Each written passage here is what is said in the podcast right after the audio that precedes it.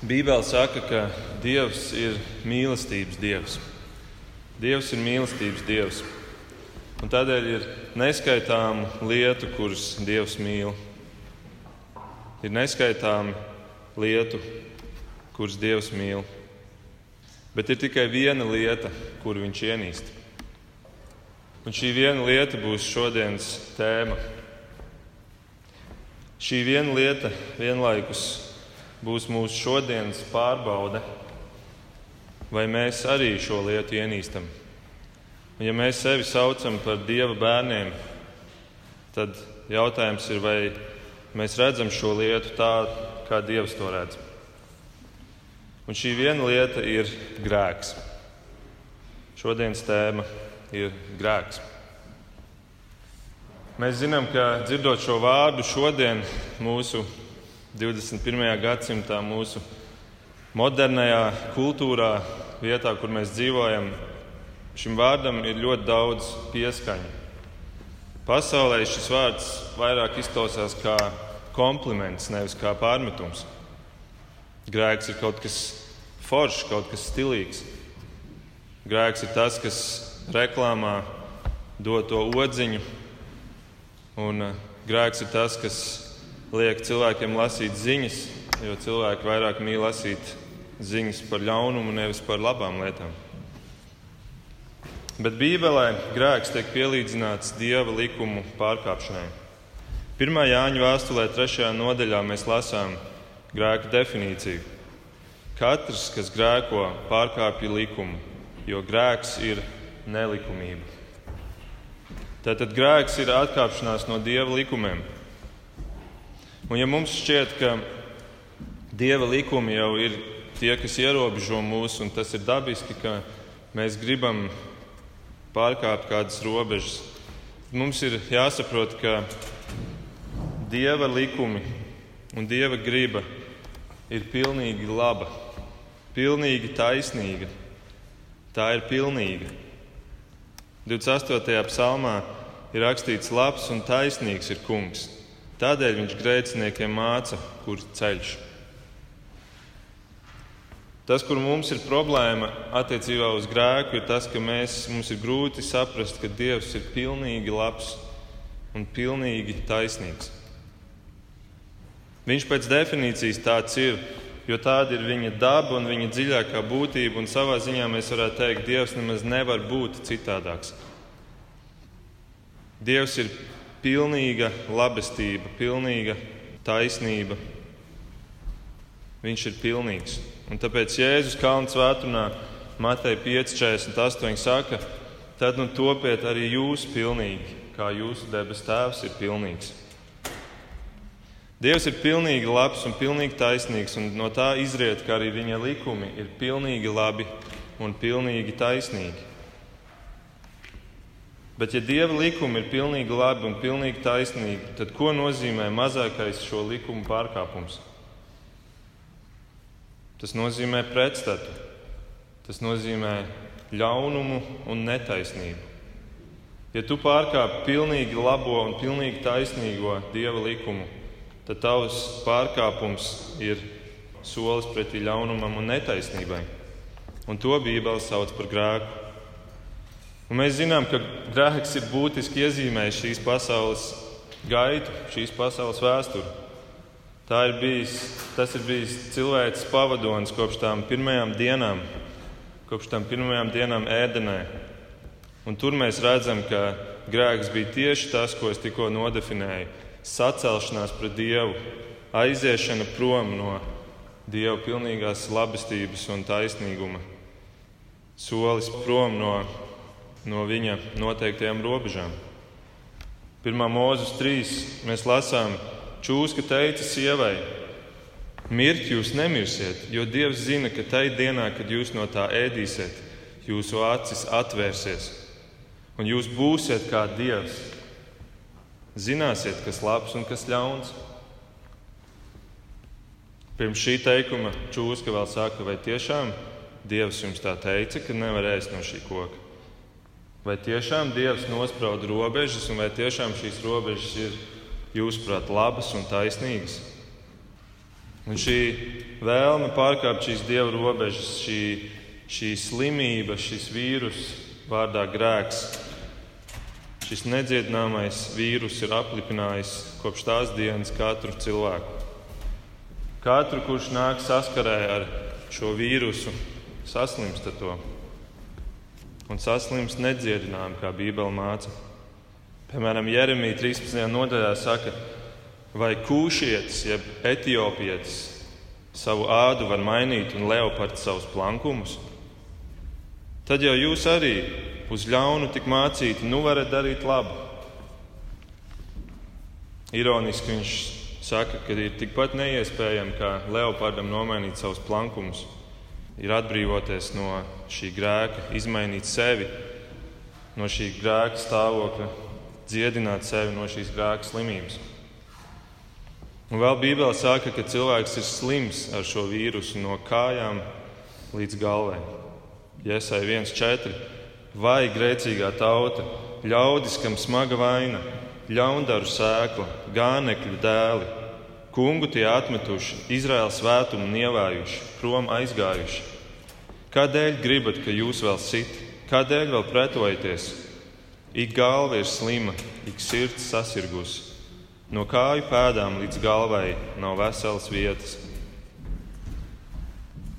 Un šis konkrētais piemērs, kuru Jēzus min, ir kā ilustrācija jebkuram cilvēkam. Slims no galvas līdz kājām. Un šī slimība, šis vīrus tiek pārmantots no paudzes uz paudzi. Un visi grēko un visi dara šo netaisnību. Visi nostājas pret dievu taisnību. Un Bībele saka, ka nav neviena, kurš nebūtu saslims ar šo lepnuma vīrusu, kas, kas padara cilvēku aklu, pārkāpjot dieva nospraustās labās, taisnīgās un pilnīgās robežas, kuras mums nāktu par labu. Un tā nu šīs pasaules lielākā cīņa nav tas, ko mēs lasām ziņās, ziņu portālos un avīzēs. Cīņa par naudu, cīņa par varu, cīņa par atombumbām vai cīņa pret terorismu. Bet lielākā šīs pasaules cīņa ir Dieva dotās taisnības piepildīšana un nepildīšana. Lielākā cīņa ir starp dieva taisnību un starp netaisnību, jeb grēku. Un, ziniet, grēks ne tikai cenšas aizstāt dievu, likt cilvēkam gribēt aizstāt dievu. Bet grēks, ja spētu, viņš nogalināt dievu. Un patiesībā Golgātā grēks nogalināja dievu. Golgātā grēks tieši to izdarīja, nogalināja dievu. Un tas ir ļoti labs simbols un piemērs tam, kas ir šī grēka mērķis. Grēks labprāt panākt, ka dievu vairs nav. Tāds lūk ir grēks, un tāda ir viņa būtība. Pretoties pilnīgajai dieva taisnībai. Un tā nu mums šī dzīve ir dota, lai, lai pildītu šo dieva gribu, lai pildītu šo pilnīgo un labo taisnību, vai arī lai pretotos tai. Tā ir mūsu dzīves izvēle. Un tas ir manas un tavas dzīves pirmais mērķis Pirmais kritērijs, pēc kā tiek vērtēta tava un mana dzīve. Un tā nu katra kārdināšana, katra kārdināšana ir kā tāda maza cīņa šajā lielajā dzīves kaujā, šajā lielajā karā starp dievu taisnību un grēku. Un tā nu apzinoties šo grēka nāvējošo dabu, Vai tev pārsteidz šodienas teksta pirmie vārdi, kur Jēkabs raksta: Laimīgs tas vīrs, kas iztur kārdināšanu. Laimīgs tas vīrs, kas iztur kārdināšanu. Šis 12. pants iesāk kādu jaunu daļu, bet viņš patiesībā turpina to, ko Raimons pagājušajā nedēļā iesāka. Šī šis uh, domu gājiens par to mūsu ikdienas realitāti, kurā mēs cīnāmies ar kārdinājumiem, bet arī ar pārbaudījumiem. Un Raimons jau minēja, ka grieķu vārds vārdam kārdinājums nozīmē arī to pašu pārbaudījumu. Tātad tā ir kā tāda monēta ar divām pusēm. Tas pats vārds nozīmē gan kārdināšanu, gan pārbaudījumu. Un tikai rezultāts šim notikumam parāda, vai tas bija dieva dots pārbaudījums vai, vai dieva nedots, bet pieļauts kārdinājums. Ja tu izai cauri šim notikumam un tu pabeidz to grēkā, tad atskatoties uz šo šķērsli, kā Raimons te bija arī vizuāli parādījis, atskatoties uz to, tu redzi, ka grēks ir uzvarējis un tas ir bijis kārdinājums. Bet, ja tu pabeidz šo šķērsli ar uzvaru, tad tu vari teikt, ka tas bija Dieva dots pārbaudījums, un tu esi viņu uzvarējis. Tā kā, tā kā šeit Jānis min laimīgs tas vīrs, kas iztur šo pārbaudi. Laimīgs tas vīrs. Un grieķu vārds vārdam laimīgs ir tas vārds makārijos, kuru Ja jūs šeit esat bijuši pirms diviem, trim gadiem, kad mēs gājām cauri kalnu svētdienai, mēs viņu tik daudz pieminējām. Tie ir tie pirmie vārdi, ar kuriem Jēzus atklāja kalnu svētdienu, kur viņš septiņas reizes saka, laimīgs, laimīgs, laimīgs tas cilvēks. Un šeit Jēkabs iespējams todien viņš bija klāt kalnu svētdienā, toreiz vēl kā neticīgs Jēzus brālis. Un šeit viņš min šo pašu vārdu laimīgs tas vīrs, kurš iztur kārdināšanu. Jēkab doma, tu esi laimīgs, ja tu izturi.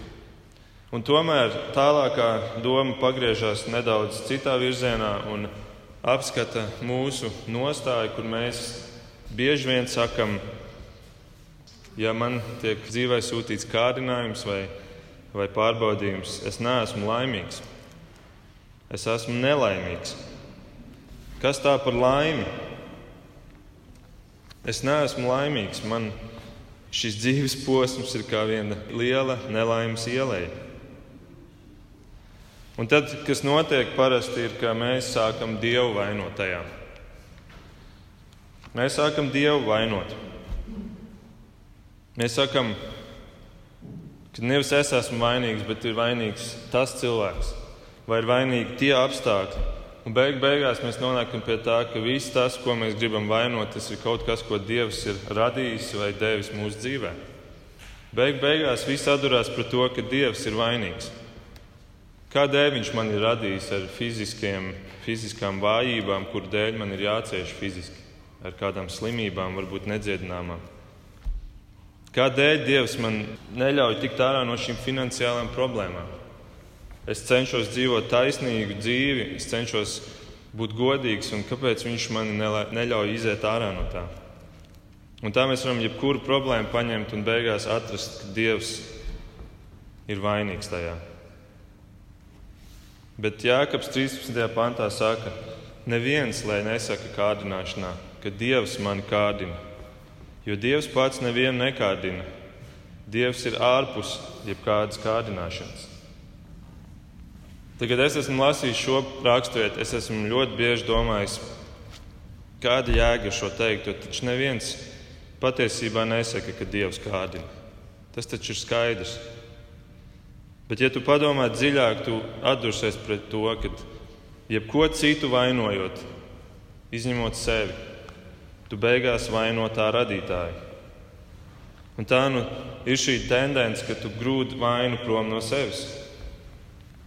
Es zinu no savām ikdienas stresa situācijām, ka bieži vien pirmā reakcija ir vainot kādu citu. Ja bērni neklausa, tad ir kāds cits vainīgs tajā brīdī. Kurš viņus nepieskatīja? Un tas ir pirmais tāds iekšēja reakcija, ko tu dari. Tu varbūt kādreiz spēj viņu apturēt, bet tā ir pirmā reakcija. Meklēt grēkāzi. Un mēs to redzam arī mūsu sabiedrībā. Meklēt grēkāzi ir bieži vien visforšākā lieta, jebkurā traģēdijā. Pirmais, ko dara, tāpēc komentāri internetā ir tik populāra lieta, meklēt grēkājas, un, ja tu to vari darīt anonīmi, tad tā ir vēl jaukāka nodarbe. Bet šāda problēma cilvēkam ir atrodama jau pašā pirmsākumā, ēdienas dārzā. Labs piemērs. kad Dievs uzrunā Ādamu un jautā, vai viņš ir ēdis no aizliegtā koka, kuru viņš vaino Ādams. Pirmā mūža trešajā nodaļā mēs varam lasīt, ka Ādama atbild skan šādi: Tā sieva, viņa man deva no tā koka, un es ēdu. Vai tā viņš saka? Nē, viņš saka vēl, vēl trakāk. Viņš saka, tā sieva, ko tu man devi, viņa man deva no tā koka, un es ēdu. Viņš pat nevaino sievu, viņš vaino sievu, kuru Dievs man ir devis. Dievs, tu man, es vienā rītā pamostos no dziļa miega, un Rēma blakus ir sieva. Es, es viņu izvēlējos. Kāpēc tu man esi devis tieši tādu sievu? Tā sieva, ko tu man devi, viņa man deva no tā koka, un es ēdu. Dievs, tu pats esi vainīgs. Un redz, nākamais, ko Dievs dara, viņš pagriežas pret šo sievu un viņš jautā viņai. Un sievas atbild ir, čūska mani pievīla un es ēdu. Nē, es neesmu vainīga, čūska. Un nākamais teikums, kas šeit nav rakstīts, varētu būt, kurš gan ir radījis čūsku? Un tāpat mēs šodien joprojām praktizējam šo pašu metodi. Vainot citus, vainot kādu ārpus manis. Un beig beigās tas nozīmē vainot radītāju, Dievu. Bet Jēkabs saka, nē, nekad nevaino Dievu. Dievs ir ārpus visa šī. Dievs nav atbildīgs par grēku. Dievs pat nespēja smērēties ar grēku. Viņš saka, ka Dievs ir ārpus jebkādas kārdināšanas. Viņš pat nespēja. Saprotiet to, ko tas nozīmē, ka Dievs nespēja. Tāpēc, ka Viņš ir pilnīgi labs un pilnīgi taisnīgs, Viņš ir visa, visas labestības definīcija.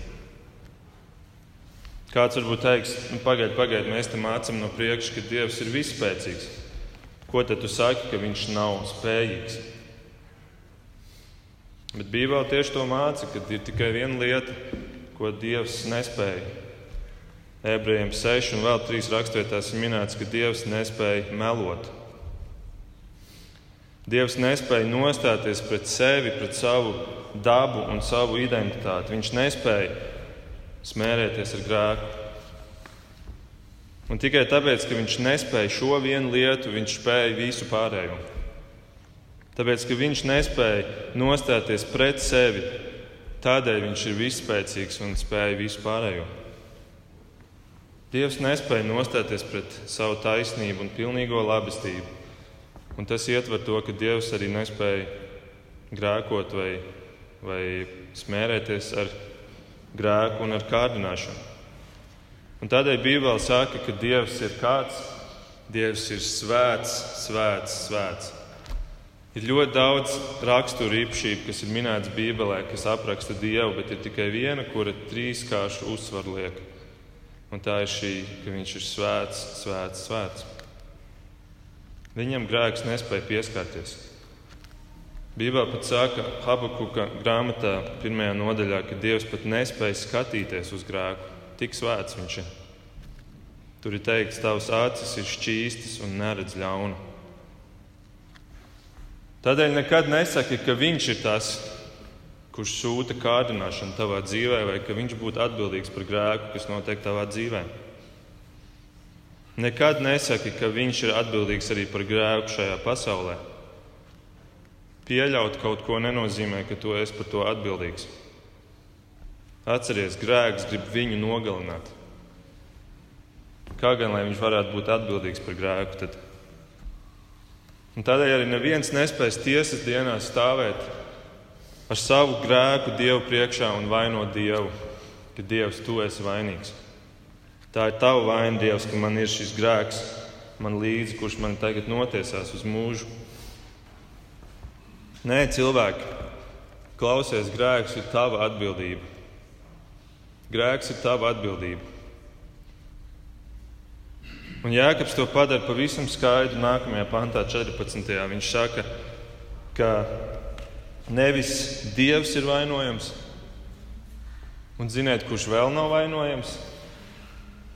Sātans. Sātans arī nav vainojams. Es zinu, ka jums nepatīk šī atbilde. Es zinu, ka ievai ēdenē nepatīk šī atbilde. Nē, vainojama nav čūska. Vaina ir meklējama manī pašā. Vaina ir meklējama manī pašā. 14. pants. Bet ik vienu kārdina viņa paša iekārs, kas to ar ēsmu pievilina un velk sev līdzi. Iekārs. Kas tās ir par iekārēm? Tas grieķu vārds ir epithēmija, un šo vārdu mēs atrodam tajā rakstvietā, kuru Reinis lasīja ievadā, 1. Jāņa vēstulē 2. Tur bija minēts šīs iekārs, šīs kārības. Miesas kārība, acu kārība un dzīves lepnība. Mēs esam par šo tēmu jau pāris nedēļas atpakaļ apskatījuši, pieskārušies. Bet tur ir runa par šīm, šīm iekārēm, kuras Bībele sadala šajās trijās grupās. Un visas kārdināšanas, kas notiek šajā pasaulē, notiek šajā veidā. Pati tā zemiskākā, pati tā vienkāršākā ir miesas kārība. Viss tas, ar ko tu gribi iegūt apmierinājumu savai miesai. Vienalga, vai tas ir tavam vēderam, vai tas ir seksuāli apmierinājums, vai tas ir slinkums, komforts, jebkas, kas, ko tavu miesa pieprasa no tevis. Otrā ir acu kārība. Tas nozīmē, ka nevis tas, kas tev ir tavā miesā, bet tas, kas ir kādam citam, ko tu redzi ārpus sevis un ko tu iekāro. Otra sieva vai vīrs vai manta vai talanti Un trešais ir dzīves lepnums, kas ir ne tikai mana miesa, apmierināt manu miesu vai skatīties uz citiem un dabūt to, kas ir citiem, bet pretējais virziens, kas es esmu citu acīs. Ka es gribu būt kaut kas citu acīs, ka man ir vārds, slava, reputācija. Ka citi iekārotu mani, ka citi iekārotu varbūt arī manu prātu vai manu miesu. Un šo metodi Sātans lieto, un šī metode darbojas mūsu kritušajai miesai. Mēs jau esam skatījušies tos piemērus. Viens piemērs bija Jēzus kārdināšana tūkstnesī, kur tiek lietota šī metode, kur ir maize, kuru Sātans piedāvā miesai, tad viņš rāda visu pasauli acīm, un tad viņš nostāda viņu templī, lai Jēzus lec no tempļa un kļūst par gaidāmo mesiju kļūst pārējo acīs kā tas gaidāmais mesija. Un mēs to pašu piemēram redzam ēdenē. Pirmā mūzika trīs, kur sieva, kur rakstīts, ka sieva redzēja, ka tas koks ir labs, lai ēstu miesas kārību, un ka ir tīkams acīm, acu kārība, un ka ir kārojams prātam, jo tas padarīs mani kā dievu. Šī lepnība. Un šīs iekārtas ir kā šie ēsmi, par kuriem Jānis runā, kas ir izklāti mums apkārt un, un tie pievelk mūsu. Un tie darbojas ne tikai Bībelē minētajos piemēros, bet arī šodien, manā miesā un tavā miesā. Un mums visiem ir šī problēma, vienalga, vai mēs to atzīstam vai nē, bet šī problēma mums ir. Risinājums nav cīnīties ar tiem ēsmiem, kas man ir izklāti apkārt. Tāpēc, ka visbiežāk es nespēju viņus ietekmēt. Jā, man ir jādomā par to, ja man ir problēmas ar alkoholu, ka es nestaigāju katru dienu garām veikalam, kurā tirgo alkoholu. Vai ja man ir problēmas ar pornogrāfiju, ka es meklēju veidus, kā es nenonāku vietā, kur esmu viens. Jā, man ir atbildība par šo, bet man vienmēr būs apkārt kādi ēsmi, kuri mani vilinās. Un tāpēc es nevarēšu cīnīties ar viņiem. Bet es varu cīnīties ar sevi. Es varu kontrolēt to, vai es esmu apmierināts un piepildīts tik tālu, ka man neuzrunā vairs šīs lietas. Kādiem cilvēkiem, jebkad cilvēkam pieķerās šie ēsmi, jebkad cilvēks pieķerās šiem ēsmiem? Pieķerās tad, kad viņi dzird, ka ēsmi, jeb šīs iekārtas saka, es tev došu apmierinājumu, kas ir labāks par to, ko tev var dot jebkas cits. Es tev došu apmierinājumu tur, kur tā tev vēl nav.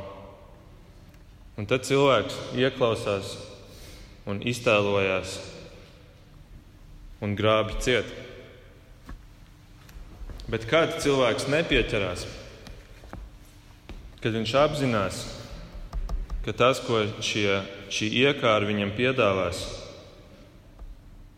viņam vairs nav vajadzīgs, tāpēc ka viņam jau ir dots apmierinājums. Ka šī iekāra nespēs viņam dot neko labāku. Un ziniet, kurš ir labākais piemērs? Jēzus. Jēzus tika kārdināts ar šīm iekārēm, bet viņš neatsaucās. Un es ticu ne tikai tādēļ, ka viņš bija Dievs un tā bija viņa dieva identitāte. Jo viņš bija arī īsts cilvēks, viņš bija pilnīgs cilvēks. Bet viņš neatsaucās tādēļ, ka viņš spēja apzināties, ka viņam viss jau ir dots. Viņam bija dota šī pieeja dievam, un viņš saprata, ka viņam viss jau ir dots. Ka nav nekas, kas viņam var dot lielāku apmierinājumu nekā tas, kas viņam jau ir dots. Viņš jau ir saņēmis pilnību, un tādēļ neviens vairs nespēs dot ko labāku. Un es zinu, ka mēs šodien šeit sēžot, sakam, jā, bet es jau neesmu Jēzus, es neesmu pilnīgs. Man, mana redze ir tik aizmiglota, ka es neredzu visu to, kas man ir dots. Un tomēr Jēzus teica Kalnu svētdienā, un arī Jēkabs iepriekšējā, svētu, iepriekšējās nedēļas tekstā viņš saka, topiet arī jūs pilnīgi. Topiet jūs arī pilnīgi. Debes Tēvs ir pilnīgs, topiet jūs pilnīgi, un jo tuvāk jūs būsiet šai pilnībai, jo mazāk jums kāds kaut ko varēs piedāvāt. Jo mazāk šīs iekārtas balsis spēs jūs pārliecināt, ka viņas jums kaut ko var dot, kā jums vēl nav. Un kaut arī mēs nekad neaizsniegsim šajā dzīvē pilnību, tas nenozīmē, ka mēs nevaram iet ceļu pretī pilnībai, vai ne? Šis ceļš mums ir iespējams. Iesim, un tad mēs redzēsim, cik daudz svētību šajā ceļā ir izklāts Un šo ceļu sauc par svētāpšanas ceļš. Svētāpšanas ceļš, par ko visa šī jēkaba vēstule ir rakstīta. Un, ziniet, tad, kad es sāku gatavot šo sātrunu, man pirmā doma bija paņemt piemērus, kādus desmit piemērus no Bībeles un nolasīt, kā grēks ietekmē cilvēkus, kuri ir minēti Bībelē. Un tad parādīt, ka visos gadījumos grēkam ir sekas. Diemžēl man ir iedots tik garš teksts, ka es vienkārši nevaru laika dēļ, bet palasiet mājās paši, paņemiet Bībeles tekstu, palasiet piemērus, kur notiek grēks, un paskatieties, kā tas ietekmē. Piemēram, Dāvids, kurš grēko un, un, un pārkāpj laulību, vai Dievs viņam piedeva? Dievs viņam piedeva, jā. Vai tas nozīmē, ka viņam nekādas sekas nebija par viņu grēku. Nē, tas nenozīmē. Viņam bērns tika atņemts, bērns nomira. Tās bija šīs grēka sekas. Un grēkam vienmēr ir un būs sekas. Un kādēļ mēs uzskatām, ka mūsu dzīvē, mūsu grēkam jau nu nebūs sekas? Nu, mēs atvainosimies Dievam, un viss tiks nolīdzināts, un viss būs labi. Kādēļ mēs esam tik kūtri iet šo svētāpšanas ceļu pretī pilnībai? Mūsu grēkam, jebkuram grēkam būs sekas. Jebkuram grēkam būs sekas. Un tas nenozīmē, ka Dievs kā tāds poli, ceļu policists stāv un ar radāru rokā mēģina nošaut, ka tik kādam pārkāpumu varētu atrast. Nē, Dievs ir pilnīgi labs un taisnīgs. Bet atcerieties, un atcerēsimies, ka mēs nevaram Dievu apmānīt. Un ko mēs sējam, to mēs arī pļausim. Un tas ir ļoti vienkāršs likums. Ja tu pārkāp taisnības robežu un ieej netaisnības zonā, tad rēķinies ar to, ka būs sekas. Tas ir kā būvēt bērnam turnīti ar klucīšiem.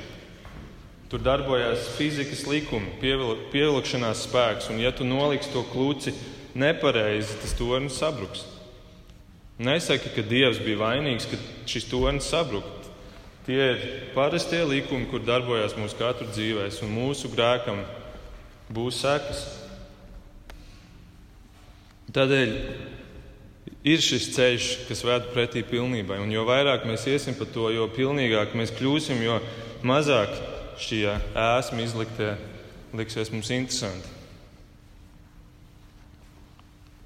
Un tad Jēkabs pamaina metaforu no zvejniecības, no makšķerēšanas uz kaut ko personīgāku, kaut ko intīmāku, uz dzemdībām. Uz dzemdībām. Viss atlikušais posms ir par dzemdībām. Un viņš min, ka šai iekārai ir trīs posmi. Šī iekāra, ja tu tomēr viņai atsaucies un tu paņem to, ko tev ar ēsmu tā ir izmetusi tev priekšā. Kas notiek tad? 15. pants. Tā nu iekāra ieņemdama dzemdē grēku. Lūk, šis Dieva lielākais ienaidnieks grēks. Bet grēks nobriestot dzemdē nāvi. Nāvi. Mums šķiet reizēm, nu, ar to iekāru jau paspēlēties mazliet var. Bet, ja mēs vienmēr turētu acīs to, no, kas piedzimst no šīs iekārtas, tad mēs varbūt būtu uzmanīgāki. Un tā ir viena no sastāvdaļām šajā ceļā uz pilnību. Turēt acu priekšā, ko nozīmē grēks. Un šī rīta svētdiena ir tikai kā mazs atgādinājums tam, par ko mums vajadzētu ikdienā domāt, staigājot savā ikdienā apkārt šiem ēsmiem. Jo grēks dara kaut ko vēl. Viņš dzemdē slepkavu. Grēks dzemdē slepkavu. Grēks atnes nāvi, Jānis saka. Atcerieties, es teicu, visam grēkam, katram grēkam ir sekas. Un grēks dzemdē nāvi. Pāvils raksta, ka grēka alga ir nāve. Tā atnes garīgo, mūžīgo nāvi tiem, kuri tiesas dienā ierodās tiesneša priekšā ar savu grēku. Jā, ir arī tie, kuri tērpsies Kristus taisnībā un nāks tiesneša priekšā bez sava grēka, bet nāks ar šo Kristus pilnību, ar šo Kristus taisnību, kuras sakrīt ar Dieva pilnīgo taisnību. Bet ziniet, arī tiem, kur jau ir tērti Kristus taisnībā, šīs savas miesas, kritušās miesas dēļ, viņiem joprojām ir cīņa ar grēku. Un ir kristietības novirzieni, kurus sauc par antinomiānismu, kur tu saki, nu, es jau esmu tērpts Kristus taisnībā, un tāpēc es varu dzīvot brīvības likumā, par kuru Jēkabs starp citu runās nākamajos tekstos. Es esmu brīvs no grēka, un es tagad varu dzīvot, kā es gribu. Nekāda likuma vairs nav. Bībele to nemāca. Bībele māca, ka tu Kristus taisnībā tērpts, būsi brīvs no nāves. Garīgā nāve vairs tevi nevarēs ietekmēt. Tas ir tas, ko mēs saucam par glābšanas nezaudējumību. Tāpēc, ka tas ir darīts Dieva spēkā. Bet fizisko nāvi, fizisko nāvi grēks joprojām spēj ietekmēt. Visam grēkam ir sekas, un, un kā jau teicu, viss tas, ko mēs darām, tas atspoguļosies arī šajā dzīvēm. Mēs redzam Bībelē, piemēram, 1. korintiešiem 11, ka necienīga, jeb grēcīga vakarēdienu lietošana noved piemēram, pie šādas nāves. Tur ir teikts, tādēļ daudzi starp jums ir vainīgu un nespēcīgo, un daudzi ir miruši. Un 1. Jāņa 5 ir minēts nāvis grēks, jeb grēks uz nāvi. Kur, kur daudz teologu saka, ka te ir runa par grēku, kurš ir pēdējais grēks Dieva pacietības mērā, un Dievs tevi savu bērnu, jā, taisnot Kristu, jā, bet ja tu joprojām turpini dzīvot šajā grēkā, viņš tev izņems ārā no šīs pasaules, lai tu neturpini maldināt cilvēkus un nest nepatiesu liecību par viņu. Un arī šādus piemērus mēs redzam Bībelē. Katram grēkam ir sekas, tāpēc nemaldieties. Grēks dzemdē slepkavu nāvi. Un Spērģents ir teicis, ja tu nenomirsi grēkam, tu nomirsi no grēka. Ja tu nenokausi grēku, grēks nokaus tevi. Un mums liekas, nu labi, ar tiem lielajiem grēkiem jau viss ir labi, es ar viņiem tieku galā. Neesmu nevienu noslepkavojis, neesmu arī citas ļaunas, pēdiņās lielas ļaunas lietas darījis. Bet patiesībā jau tā arī nav sātana metode lietot šo grēku, vai ne? Patiesībā tie mazie grēki, tie šķietami neredzamie grēki ir tā problēma. Jo tas patiesībā ir process uz nejūtīgumu pret grēku. Tas ir kā tāds process, ka tu sev attaisno šīs mazās lietas, un tev liekas, nu, salīdzinot ar pasauli, jau tas nav nemaz tik traki. Un tu turpini dzīvot ar viņām, un tu, tu kļūsti ar vien nejūtīgāks. Ir kāds sens, labs stāsts. Varbūt jūs esat lasījuši par to, kā eskimosi medīja vilkus. Paklausieties! Vispirms eskimos savu nāzi apsmērē ar dzīvnieku asinīm un ļauj tām sasalt. Tad viņš pievieno vēl vienu slāni asiņu, un tad vēl vienu, līdz nāzis ir pilnībā apklāts sasaldētajām asinīm. Pēc tam mednieks iestiprina šo nāzi zemē ar asmeni uz augšu. Kad vilks, sekojot savai jūtīgajai ožai, atklāj šo ēsmu, tas sāk to laizīt, sajūtot svaigi sasalušās asinis. Tas sāk to laizīt arvien ātrāk, arvien enerģiskāk, riņķojot ap asmeni, līdz tā asā mala ir atcakta. Nu jau drudžaini, arvien spēcīgāk un spēcīgāk vilks laiza asmeni ar arktiskajā naktī. Tik spēcīgs kļūst viņa tieksme pēc asinīm, ka tas nepamana atkailinātā asmeņa žiletes aso griezienu, viņa paša mēlē. Kā arī nespēja sajust brīdi, kurā viņa neapmierināmās slāpes sāk apmierināt viņa paša siltās asins. Viņa gaļēdāja apetīte pieprasa vēl, līdz rītausmu atrod viņu sniegā mirušu. Cik nemanām grēks spēja ielavīties mūsos un ienest šo nāvi. Un viss sākās ar šo iekāru, ar šo prātu. Un tādēļ arī Mums ir jākontrolē tas, ko mēs laižam pa šīm durvīm iekšā.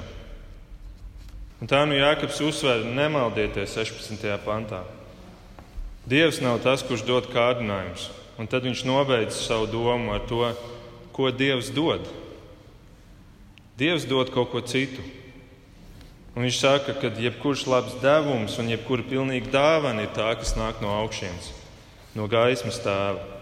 Dievs nedod kārdinājumus, bet Viņš dod pārbaudījumus, kuri padara mūs stiprākus šajā ceļā pret netaisnību un grēku, kurš mūs norūda, lai mēs varētu būt spējīgāki atteikties. Un viņš dod to kā dāvanu, un viņš, lai mēs šīs pārbaudījuma dāvanas spētu vispār saņemt, viņš dod visu lielāko dāvanu, kas ir minēta 18. pantā. Un tur ir šīs pēdējās dzemdības minētas. Jēkabs parāda, ka Dievs nav tas, kas dzemdē šo grēku un nāvi, bet Dievs ir atdzemdinājis mūs ar patiesības vārdu. Viņš ir izvēlējies mūsu 18. pantā teikts, viņš ir mūs izvēlējies un atdzemdinājis ar patiesības vārdu, lai mēs būtu kā viņa radījuma pirmā augļa. Te nepiedzimst grēks un nāve. Te nepiedzimst netaisnība, te piedzimst pretējais. Un Dievs dod caur savu suverēno vēlmi, gribu. Viņš rada cilvēku, kurš ir radīts šajā taisnībā caur šo patiesības vārdu. Un tagad vairs cilvēkā nevērt šis netīrais, smirdīgais grēka piķis, kurš visu laiku nāk kā tāds vīrus ārā no cilvēka sirds. Bet Jēzus saka Jāņa 4, bet kurš dzers no ūdens, ko es tam došu, kas ir šis patiesības vārds, tam neslāps ne mūžam. Ūdens, ko es tam došu, kļūs viņā par ūdens avotu, kas ved mūžīgai dzīvībai. Un, ja mēs bieži šo pantu redzam tādā dzeršanas ilustrācijā, dzeramais ūdens, tad ūdens ir arī tas, kurš šķaida netīrums, kurš mazgā. Mēs, kur ikdienā mazgājam traukus, mums nereti sanāk sastapties ar sakaltušu, cietu problēmu uz traukiem, un mēs uzliekam ūdeni un atstājam pamiekšķēties, un pēc tam mēs viņu varam notīrīt. Tas ir tas, ko dara šis patiesības vārds. Un, un reizēm tas ir process, kurš prasa ilgāku laiku, kamēr cilvēks spēj attīrīties, bet tam ir jānotiek. Tam ir jābūt redzamam virzienam cilvēka dzīvē, kurš sevi sauc par dieva bērnu. Un vēl pēdējā doma, šis 18. panta sākums. Viņš mūs ir izvēlējies. Es zinu, ka es bieži pieminu tēmu par izredzētību, bet es ceru, ka jūs paši sākat manīt, cik tas ļoti daudz vijās cauri Bībeles tekstiem. Ar to mēs atkal un atkal sastopamies, un arī šodienas oriģināla teksts skan no savas brīvās gribas viņš mūs ir atzemdinājis. Vecais latviešu valodas tulkojums pat saka, brīvās gribas, no savas brīvās gribas viņš mūs ir atzemdinājis.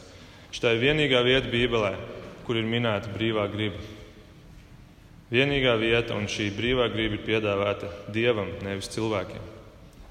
Un kā gan citādi, ar nāvējošu un nedziedināmu grēku slims cilvēks, viņš nespēja izlemt kļūt vesels.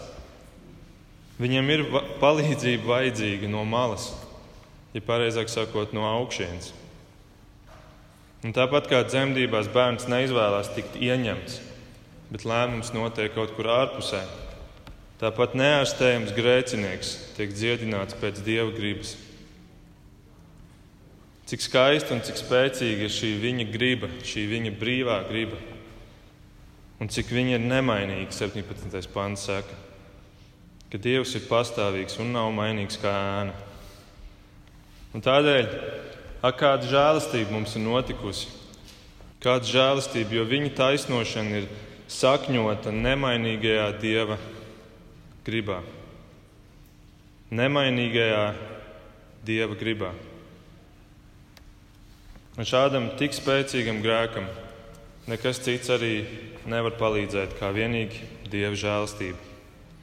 Kā vienīgi dieva žēlastība lai tā ienāk mūsu dzīvēs, lai tā pavada mūs un uh, lai tā dod mums spēku un pateicību iet šo svētāpšanas ceļu pretī pilnībai. Lūksim Dievu. Debes Tēvs, paldies par šo pasauli, ko Tu esi radījis, un paldies, ka Tu esi mīlestības Dievs.